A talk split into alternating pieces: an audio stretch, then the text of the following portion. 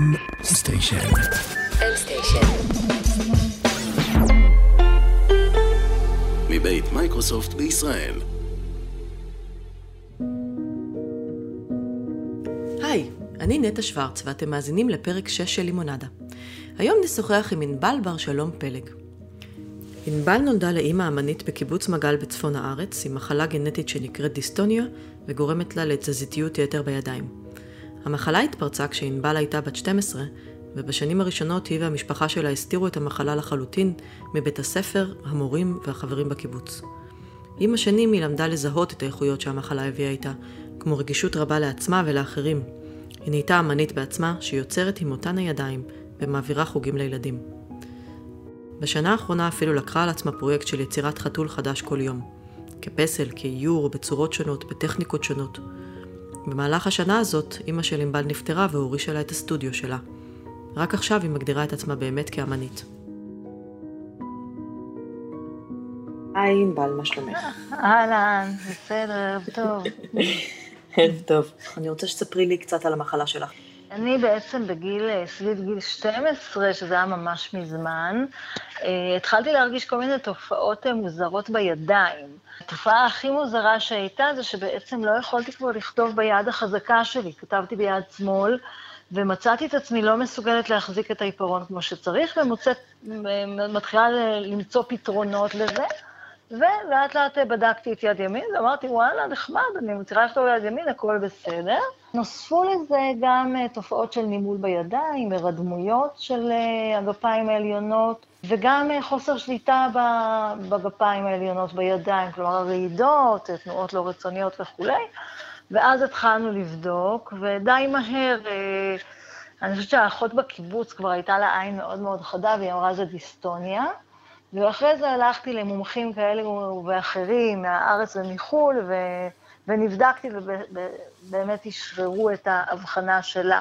בהתחלה טופלתי בהמון המון כדורים, עם המון תופעות לוואי, וכל הסיטואציה הייתה מאוד מאוד אה, לוט בערפל כזה, כאילו, מה זה, מה זה הדבר הזה? המון דאגה, המון אה, חשש, ומה יהיה, והאופק של הדבר הזה, ולא ידעו הרבה אז על המחלה הזאת. אה, לא היו הרבה חולים בתקופה שזה התגלה אצלי. ההורים שלי מאוד דאגו, לא שוחחנו, לא, מאוד הסתרתי את זה, אז כלומר, גם התמודדתי ונורא נורא סבלתי ונורא נורא פחדתי, וגם הייתי עסוקה בלהסתיר את זה המון המון המון שנים, זה היה קשה מנשוא. אני נזכרת בזה עכשיו, ואני ממש יכולה להרגיש את זה בגוף, את הקושי הגדול הזה. זה באמת הייתה מציאות חדשה וקשה מאוד מאוד. אז כמה זמן לקח לך להסתגל לזה בעצם? לא מעט שנים, אני חושבת, עד שהתחלתי ככה יותר לדבר על זה.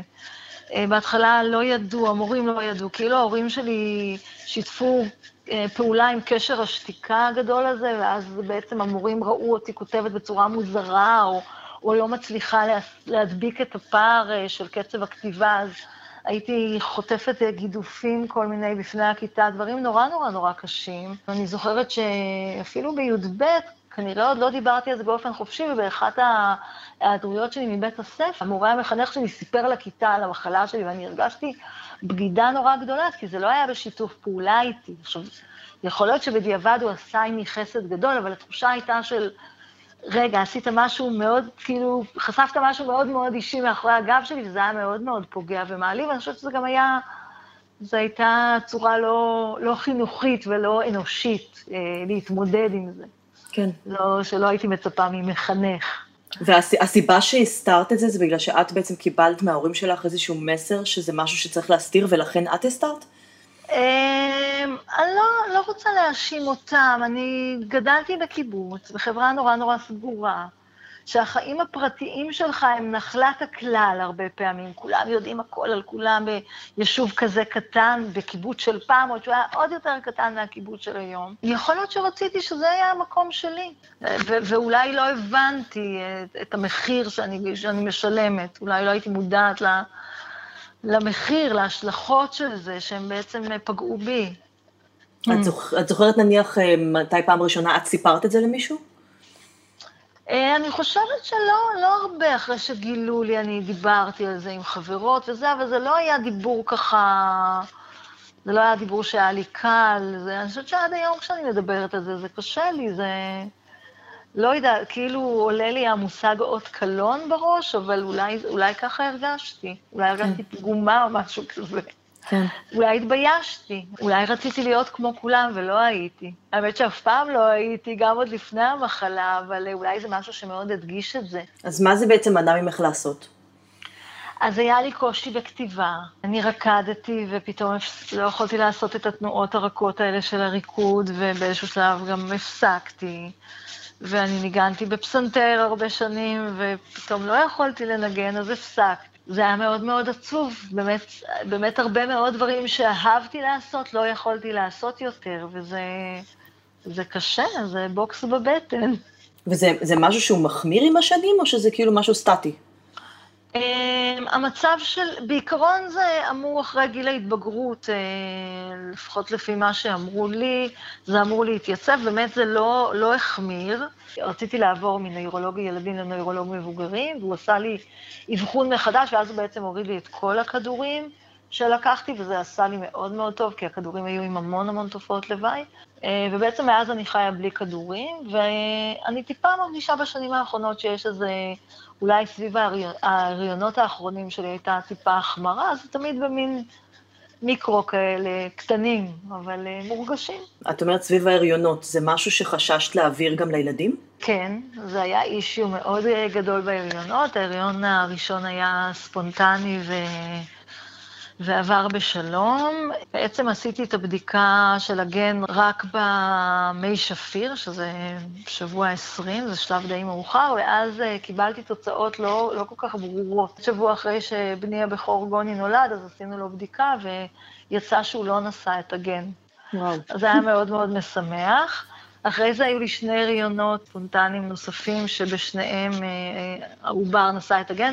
בדקנו את זה בשלבים כבר יותר מוקדמים, בסיסי שליה. זה היה מאוד מאוד עצוב, אבל uh, בפעם הראשונה עוד התלבטנו, ואז החלטנו להפסיק את ההריון, ובפעם השנייה כבר לא הייתה התלבטות, וזה היה מאוד מאוד טראומטי, ואחרי זה החלטנו ללכת על הפריה חוץ-גופית, עם בדיקה אה, של דבר הקטנטן הזה, לפני שמחזירים אותו לגוף, ואז באמת אה, נכנסתי להיריון וילדתי את בני השני, יהל, ומאז... אה, ובעצם, אם זה גן כזה דומיננטי, איך זה שאת היחידה במשפחה בעצם? אני לא היחידה. בשלב יותר מאוחר של חיי כבר היה מיפוי גנטי של הגן הזה ואפשרות לבדוק את זה.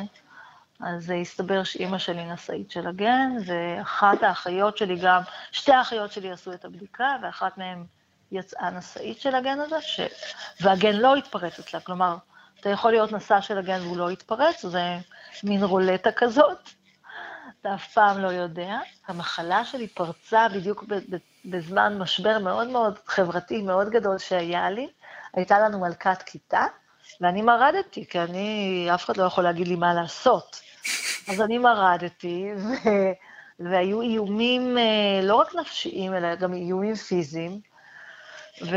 ואז פרצה לי המחלה. כלומר, לא יודעת אה, אם היא הייתה פורצת אחרת או לא, אי אפשר, אנחנו לא יכולים לדעת, אבל אז היא נכון. פרצה באמת בתקופה שהייתי מאוד מאוד חלשה, אבל, אה, אבל באמת אף פעם לא ויתרתי על האמת שלי. וזה חזק, זה מקום מאוד מאוד של כוח. כן, בהחלט. את מלמדת את הילדים שלך עכשיו באמת לא להסתיר דברים, אני באמת, אני מוצאת שהקטע הזה של ההסתרה לוקח כל כך הרבה אנרגיה. כן, מאוד. מאוד מאוד לספר ולהגיד ולא להתבייש, ולכולם יש פחדים ולכולם יש עניינים, ו... ויאללה, לשים את הדברים על השולחן. לא תמיד אני מצליחה, אבל uh, את יודעת, כל אחד בסך הכל צריך לעבור את המסע שלו, עם עצמו. אבל לפחות מבחינת המסר ומבחינת איך שאנחנו מתנהלים בבית, עם שקיפות, ועם להגיד את האמת, כמו לדבר על על סבתא ש... ועל על אימא שלי שמתה, ולספר ול... על הכאב, ולחלוק, ולהגיד להם, זה כואב, וגם אם אומרים לי, אבל אימא זה...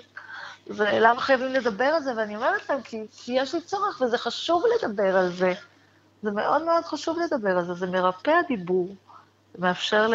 לאבד דברים, זה, זה מוציא החוצה במקום להכניס פנימה. אנחנו מכניסים פנימה, ואז זה יוצא כמחלה. אני מאוד מתחברת למה שאמרת עכשיו. בהחלט. תגידי, ואיך זה, איך השלמת עם המחלה עכשיו? כשדיברנו פעם קודמת, את אמרת שיש בזה הרבה, אני לא אגיד מתנה, כן? כי זה כמו שלי תמיד אמרו, סרטן זה מתנה, אז נכון, זה בא עם תופעות לוואי חיוביות, אבל כאילו, זה לא באמת מתנה. כן. אמרת שיש איזו הקשבה שבאה יחד עם זה, הקשבה כן, לגוף. אני, אני חושבת שקודם כל, אה, שכן הדברים שהתחדדו אצלי בזכות המחלה זה לראות את האחר ולראות את הכאבים של האחרים. ואני זוכרת את עצמי מגיל מאוד מאוד צעיר, מאוד מאוד רגישה, ומאוד מאוד חשה את העולם ואת הכאב של העולם. אני חושבת שהמחלה הזאת הגבירה את זה, חידדה את זה. אני מתרגשת. Hmm. תסבירי איך, מה זה אומר שהיא חידדה את זה? לא יודעת, היכולת אה, להרגיש כאב ולראות אנשים אחרים בכאב שלהם, ולהגיד להם, אני רואה אתכם ואתם לא לבד. ואני חושבת שיש לי, שיש לי יכולות, שפיתחתי יכולות וכוחות לעזור לאנשים, אם זה בהקשבה, ואם זה ב... בדברים מהניסיון שלי שאני יכולה לתת. ואם זה דרך האומנות שלי, שאני מגישה ומלמדת, שזה תמיד אה, מקום, אה, מקום מנחם, מרפא. מתי התחלת עם האומנות? אה, האמת שאני גדלתי בבית של, אה, של אימא אומנית. אימא שלי הייתה קרמיקאית, וגם הייתה מאוד מאוד פעילה בתרבות בקיבוץ, עשתה את המודעות ואת הוויטרינות לקראת החגים ואת הפאורות. הייתה באמת אישה מאוד מאוד מוכשרת ופעלתנית, אז זה משהו שתמיד היה מסביב. וסבא שלי, אבא של אבא שלי, היה צייר, אז זה משהו שהייתי חשופה אליו מגיל צעיר. אני זוכרת את עצמי כילדה מסתובבת במוזיאונים, אה, הולכת לסטודיו, לסטודיו של אימא, כלומר, זה היה הסביבה הטבעית שלי. אה, אני חושבת ש...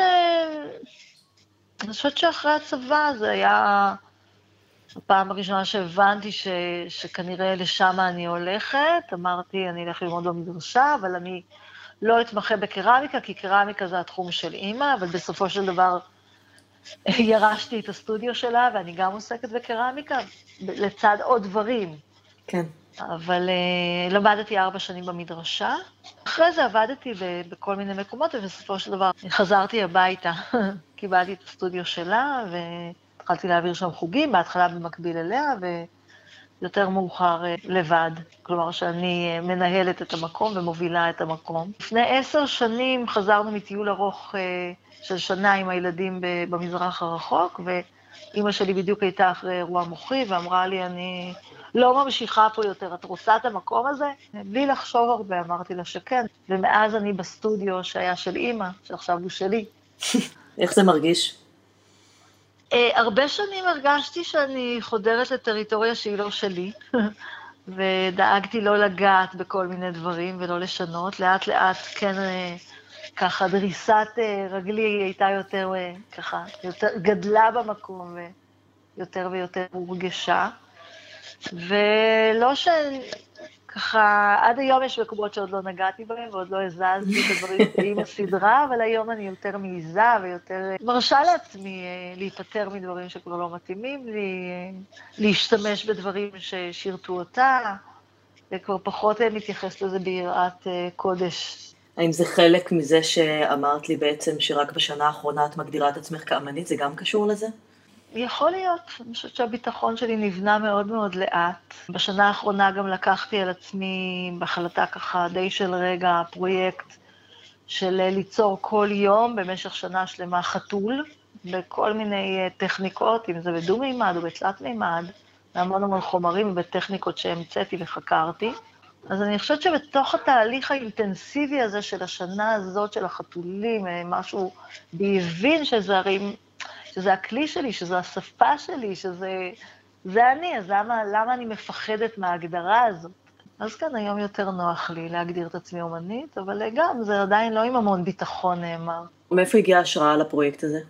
ההשראה לפרויקט הגיעה ממורה שלי ליוגה, שסיפרה לי שיש לה חברה בארצות הברית שעושה כבר כמה שנים, כל שנה פרויקט בנושא אחר. היא סיפרה לי את זה בערך חצי שנה לפני שאני התחלתי, וזה כנראה שכב באיזה מקום במוח האחורי, ולקראת סוף אוגוסט החלטתי, בשנה שעברה החלטתי שאני קופצת למן, וחתולים הייתה בחירה מאוד טבעית, כי אני כנראה מחוברת מאוד לחתולים בכל נימי נפשי. וקפצתי למים, וממש לא היה לי מושג לאן הפרויקט הזה יוביל. בהתחלה יצרתי פשוט חתולים, כל יום חתול קטן, אה, לא בחומרים מעניינים במיוחד, ושלחתי לרשימת תפוצה שהייתה לי. לאט לאט, או אפילו די מהר, התחלתי להוסיף לזה טקסט. כלומר, היה חתול, ואז הייתי כותבת אה, באיזה טכניקות השתמשתי, ואולי כל מיני הגיגים. איפה נעשתה העבודה, בהשראת מה וכולי. בדצמבר אימא שלי בפתאומיות אה, נכנסה לבית חולים, והייתה שבוע מאושפזת ונפטרה, ובבת אחת קיבל תפנית מאוד מאוד אה, גדולה, ובאמת התחלתי לכתוב הרבה את אה, מה שקורה לי בתוך ה... בתוך הראש ובתוך הנפש. והבנתי שגם המילה הכתובה היא מאוד מאוד משמעותית לי, ושגם אני מאוד חזקה במילה הכתובה. התגובות שקיבלתי אה, ככה גרמו לי להעמיק ולהמשיך ו- ולחפש ולחקור, ואז פתאום הקורונה, ו... ואנשים אמרו לי, וואי, את חייבת לעשות עם זה משהו בספר, אז התחלתי לבדוק על ספר, וממש גדל ממשהו באמת של החלטה של רגע זה נהיה וואו. וזה נתן המון המון כוח, וראיתי איך, ה... איך התהליך הזה הוא תהליך אה, מרפא, ממש. האמת שאני הסתכלתי קצת על ה... גם על החתולים, זה, זה פשוט מדהים, כי את יודעת, את, את שומעת, יצרתי כל יום חתול, ואת חושבת לעצמך, כמה בעצם אפשר לחדש? כאילו, 365 חתולים, ואף אחד מהם לא דומה לשני, וזה נראה לי מטורף. כאילו... נכון. בחומרים שונים, בצורה שונה, לפעמים זה גם לא לגמרי נראה כמו חתול. זה כאילו מזכיר נכון, חתול, או איזו נכון. השראה של חתול, ו... נכון. מאיפה זה הגיע, ש... כל הרעיונות האלה? ש... מאיפה... אה, תראי, בהתחלה אה, עבדתי הרבה, הרבה מהתבוננות. הייתי מצלמת את החתולים שלי הפרטיים, ואחרי זה יושבת ורושמת, או מציירת, או... כלומר, זה התחיל ממשהו שנאחז במציאות. בהמשך, אה, פשוט מה... מתוך העשייה, מתוך ה... הגל הזה שאתה כבר נמצא בתוכו, מתוך העיסוק, אז אתה מרשה לעצמך לבדוק ולהיפתח ולהעיז, ואת מבינה, זה פשוט דבר מזין דבר. אמ, ואני מניחה שגם לצאת רגע לגינה, או ללכת רגע לאזור של, יש פה כתפת ישנה כזאת עם תצפית על אה, כל האזור, אז להסתכל על הפנורמה הזאת ולהתמלא, או לאסוף כל מיני אה, חומרים שאנשים אה, זרקו ולהגיד, וואו, זה מצע נורא מרתק, בואו נבדוק אותו. אז uh, פשוט דבר הוביל לדבר. ואז uh, מה, ש, מה שקרה זה שנוצרו מין uh, קטעים כאלה, פרקים, שתקופה עשיתי ככה, תקופה עשיתי ככה. אם בהתחלה זה היה לגמרי אקלקטי, לקראת הסוף היו תקופות. תקופה שעשיתי את הפסלים, תקופה שיצרתי קולאז'ים, תקופה שיצרתי קולאז'ים על חומרי רדי מייד, באמת מתוך עצמי. אני יכולה להגיד לך שזה כמעט הכל מתוך עולמי. אז זה כן, די מרגש לראות את זה. יש הרבה, הרבה פסלים שכוללים גם דמות של אישה, זאת אמורה להיות את? כן, אני, אימא שלי, אה, אבל אני חושבת שבעיקר חשבתי על עצמי, נכון. אני חושבת שהדמות של האישה נכנסה בתקופה של הקורונה, שאני גם נורא אוהבת לפסל נשים, אז, אז הייתי צריכה לצד החתול גם אישה, ובאמת אה, לדבר על יחסים, כלומר, זו הזדמנות לדבר על יחסים, לא רק אה, בין אישה לחתול שלה, אלא בין אישה למשהו שהוא קרוב אליה. בתקופות אחרות בחיים שלי אני מרגישה שזה, שזה באמת האומנות הייתה, הייתה כוח מרפא, כלומר, אחרי ההריון האחרון, שהייתי במשבר מאוד מאוד קשה, ואז התחלתי ללמוד את התחום של היומני, היומנים הוויזואליים, שבעצם לוקחים מחברת, או יוצרים מחברת לבד, ועובדים בתוכה בכל מיני טכניקות, ו... זה מסע שנמשך כמה שנים, בעצם עד היום, שלמדתי וחקרתי ולימדתי, ואני מרגישה שהיומנים ממש גם היו סוג של, של תהליך ריפוי, בדומה למה שעברתי עם החתולים עכשיו. איך את מרגישה שהמחלה שלך כן או לא משפיעה על האומנות שאת יוצרת, או בכלל כאילו את פיזית, איך זה מסתדר? קודם כל, אני, אני כותבת או מציירת בצורה מאוד מוזרה. אם היית רואה אותי, אז אני, אני כותבת ביד שמאל, ואני אוחזת ביד ימין, היא קצת עוזרת לי אה, לייצב את היד השנייה. למתבונן מהצד, זה נראה ממש מוזר, ולפעמים אני, ככה, לא נעים לי שאנשים מסתכלים עליי, זה מרג... אני ישר צריכה להגיד, תבינו, יש פה, כאילו, יש לי מחלה, ולפעמים אני נותנת ליד שלי חופש, ואז אה, כשאני לא צריכה לעשות דברים מדויקים, אז אני עובדת עם... רק עם יד שמאל, ובאמת היא זזה, ואני מנסה ללכת עם מה שהיא מביאה לי, עם התנועות של הגוף, עם, ה, עם הרצון של הגוף, נכון, אז יש הרבה תנועתיות, אז, אז גם בציור או ברישום יהיה הרבה הרבה קווים, ו, וזה חלק, אה, זה נהיה כבר סגנון, את מבינה? Mm-hmm. עכשיו אה, פיתחתי איזו טכניקה של אה, לצייר עם masking tape, אז, אז בעצם זה לא שאני מחזיקה עיפרון ואני צריכה עכשיו לדייק באיזשהו דימוי, לא, אני חותכת חתיכות מ masking tape, מצרפת אותם ביחד, מקפלת, אה, ונוצר לי דימוי. יש בזה הרבה יותר חופש, ואולי אילולא המחלה שלי לא הייתי מגלה את כל הטכניקות המדליקות האלה ואת כל הגילויים האלה, שאת יודעת, לא חייבים שהכל יהיה מדויק, לא חייבים ש... שהדברים יהיו בול נאמנים למציאות. אז את אומרת, אלמלא המחלה בעצם את היית אמנית אחרת לחלוטין. כן, לא יודעת אם הייתי אומנית, למרות שאני מניחה שכן, אבל אני מאמינה שהייתי אומנית אחרת, כן. ו- ובעצם הפעם הראשונה שהתחלתי להתעסק במחלה כ- כנושא, זה היה במדרשה לאומנות כשלמדתי, שממש יצרתי עבודות שמדברות על המחלה שלי. אוי, זה מעניין, מאוד, מה זה אומר? כן, זה היה מאוד מאוד מעניין. הייתה עבודה אחת שעשיתי, לקחתי המון המון אריזות של כדורים, כי זו הייתה עוד תקופה שבלעתי כדורים, ויצרתי מזה שטיח ענק, ענק, ענק, שפשוט תפרתי, אריזה אחת לשנייה. האריזות הכסופות האלה, לא האריזות קרטון. Mm-hmm. אז נוצר מין שטיח ענק כזה כסוף, ותפרתי את זה גם עם חוט כסוף, אז זה היה משהו שאם את רואה מרחוק הוא נורא מנצנץ ויפה, ואת מתקרבת, את אומרת, אוי, זה כדורים אבל. הדבר היפה הזה זה כדורים. עכשיו, זה משהו שכבר עשו אומנים בעבר, אה, כל מיני עבודות עם כדורים. זה לא היה חדש, אבל זה היה מאוד מאוד מעניין. אני חושבת שזו הייתה הפעם הראשונה שבעצם נגעתי בזה בצורה כל כך ישירה.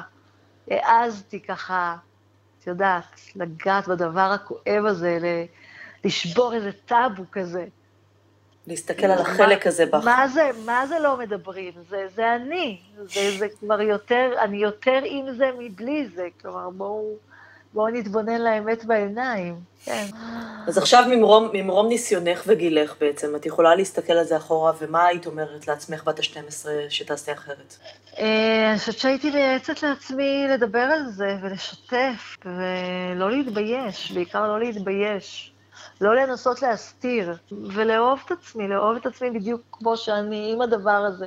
את מרגישה שעכשיו את באמת אוהבת את עצמך עם הדבר הזה? אני חושבת שאני יותר אוהבת את עצמי עם הדבר הזה, כן. אני יכולה לראות את ה... באמת את האיכויות הרבות שהמחלה נתנה לי, ובאמת היא נתנה לי הרבה מתנות. אני לא אגיד לך שלא הייתי מוותרת עליה, כי זה לא נעים. וזה, יש כאבים, והיד שזזה כל הזמן, והמבטים של האנשים. לא פשוט, אבל uh, יחד עם זאת, באמת המתנות שהיא נתנה לי, הרגישות הגבוהה והיכולת לראות את האחר ולעזור ולהרגיש, זה משהו שלא הייתי מוותרת עליו, וכנראה שזה בא ביחד, כנראה שזה בלתי נפרד, הטוב והרע. מה מזה הילדים אה, לוקחים ממך? מה, מה את מעבירה להם גם? אוי, אני מרגישה ששניהם מאוד מאוד רואים את החלש ורוצים לעזור, ו... ורגישים מאוד מאוד מאוד למצוקות ולכאבים, ולסתם לשמחות ולרגישים, רגישות, ראייה רגישה, גישה כזאת של אהבת אדם.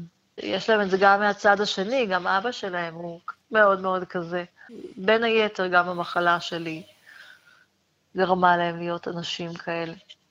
הם שאלו, הם שאלו שאלות כשהם היו ילדים קטנים, כאילו? היה להם באמת... אה, אני זוכרת שיהל, הבן הצעיר שלי, הייתה תקופה שהוא לא היה מוכן לתת לי יד ביד, ביד ימין, שזה היד היותר רועדת שלי. תמיד היה רוצה את יד שמאל, היד היציבה. אה, לא, הם לא שאלו שאלות. אני סיפרתי באיזשהו שלב, וכשאני מספרת זה תמיד עם too much information, לא, תמיד, לא תמיד בא להכיל בכל רגע נתון כל כך הרבה אינפורמציה, ועם תיאורים פלסטיים והכל, הכל, הכל. אבל uh, בסדר, נראה לי נורא מקבלים את זה. לא נראה להם מוזר או בעייתי, או ממש טבעי. אני חושבת שיש משהו מדהים ביכולת של ילדים פשוט לקבל את העולם כמו שהוא. נכון, ואני חושבת שבגלל זה אני כל כך אוהבת לעבוד עם ילדים. היום אני פשוט מרגישה מתנה, מתנה, ש, שאני בוחרת בזה כל יום, שזו זכות גדולה לעבוד עם ילדים, באמת, ולהעצים אותם, ו, ולתת להם את הכוחות דרך האומנות, ו, ולהראות להם שהם יכולים, הכל, הכל, הכל. זה פשוט, אני מרגישה שזו זכות, וזו שליחות, באמת. טוב, אתה יודע, הדבר היחידי בעצם שאולי אה, אני רוצה לשאול אותך זה, את יודעת, דיברת גם על הקטע של הקיבוץ, ועל הקושי בעצם לגדול במקום שהוא די אה, מעודד קונפורמיזם ואנשים שהם אה, זהים, גם בגלל שאת ייחודית, בגלל האופי שלך ובגלל הדברים שאת אוהבת לעשות, וגם בגלל המחלה הזאת, אך עם זאת את נשארת בעצם לגור שם. נכון, זו הייתה לי החלטה לא קלה כשהחלטנו אותה, היא הייתה החלטה מאוד רציונלית. היינו שנינו בני 31, התחתנו, והיינו צריכים להחליט, אלעד הוא מהעוגן ואני ממגל, וזה היה די פשוט להחליט ללכת למגל, כי מבחינה כלכלית היו פה יותר אה, אפשרויות, היה פה יותר נוח, יותר קל.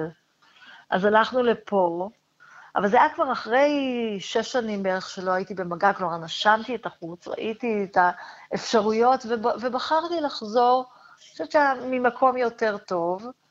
ואני חושבת שכשהילדים נולדו, וזה קרה די מהר אחרי שחזרתי, אז uh, ראיתי כמה זה נפלא לגדל פה ילדים, וכמה המקום הזה הוא כבר שונה מפעם, זה כבר קיבוץ חדש, ויש לי אפשרות לעשות מה שאני רוצה, למרות שעדיין מרימים גבות, ועדיין שואלים שאלות, ועדיין לפעמים מתערבים, אולי זה קיים בכל חברה אנושית.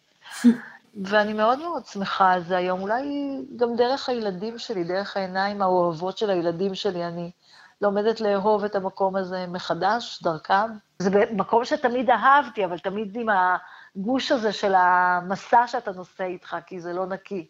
והיום פחות יש גוש, פחות, אה, יש יותר אהבה, במקום הגוש יש אהבה. אהבתי מאוד את הניסוח הזה, זה כל כך נכון. האמת שלגור בקיבוץ עכשיו נשמע לי דבר נפלא, בזמן הסגר, נכון. שיש מרחבים ובחוץ וזה, זה נכון. וואו. את כל כך צודקת, באמת באמת, ליבי ליבי עם אלו שאין להם. כן. באמת, זה נראה לי קלסטרופובי נורא. יאללה, כשנגמר הסגר אני עושה טיול אליכם. מעולה, אני אשמח להיפגש. אני באמת אה, מודה לך מאוד מאוד על הכנות ועל הפתיחות ועל ה... לא היה כאן שום דבר שהוא too much information, אם את חוששת. אז אם אתם שואלים את עצמכם, איפה אפשר לראות את החתולים של ענבל? כנסו ליוטיוב וחפשו באנגלית ענבל בר שלום פלג. תמצאו שם סרטונים של החתולים, סרטוני הדרכות על יצירה לילדים, על הטכניקות החדשות שהיא המציאה ועוד הרבה יותר. אני כבר מתכננת טיול לצפון כשהסגר ייגמר. ביי!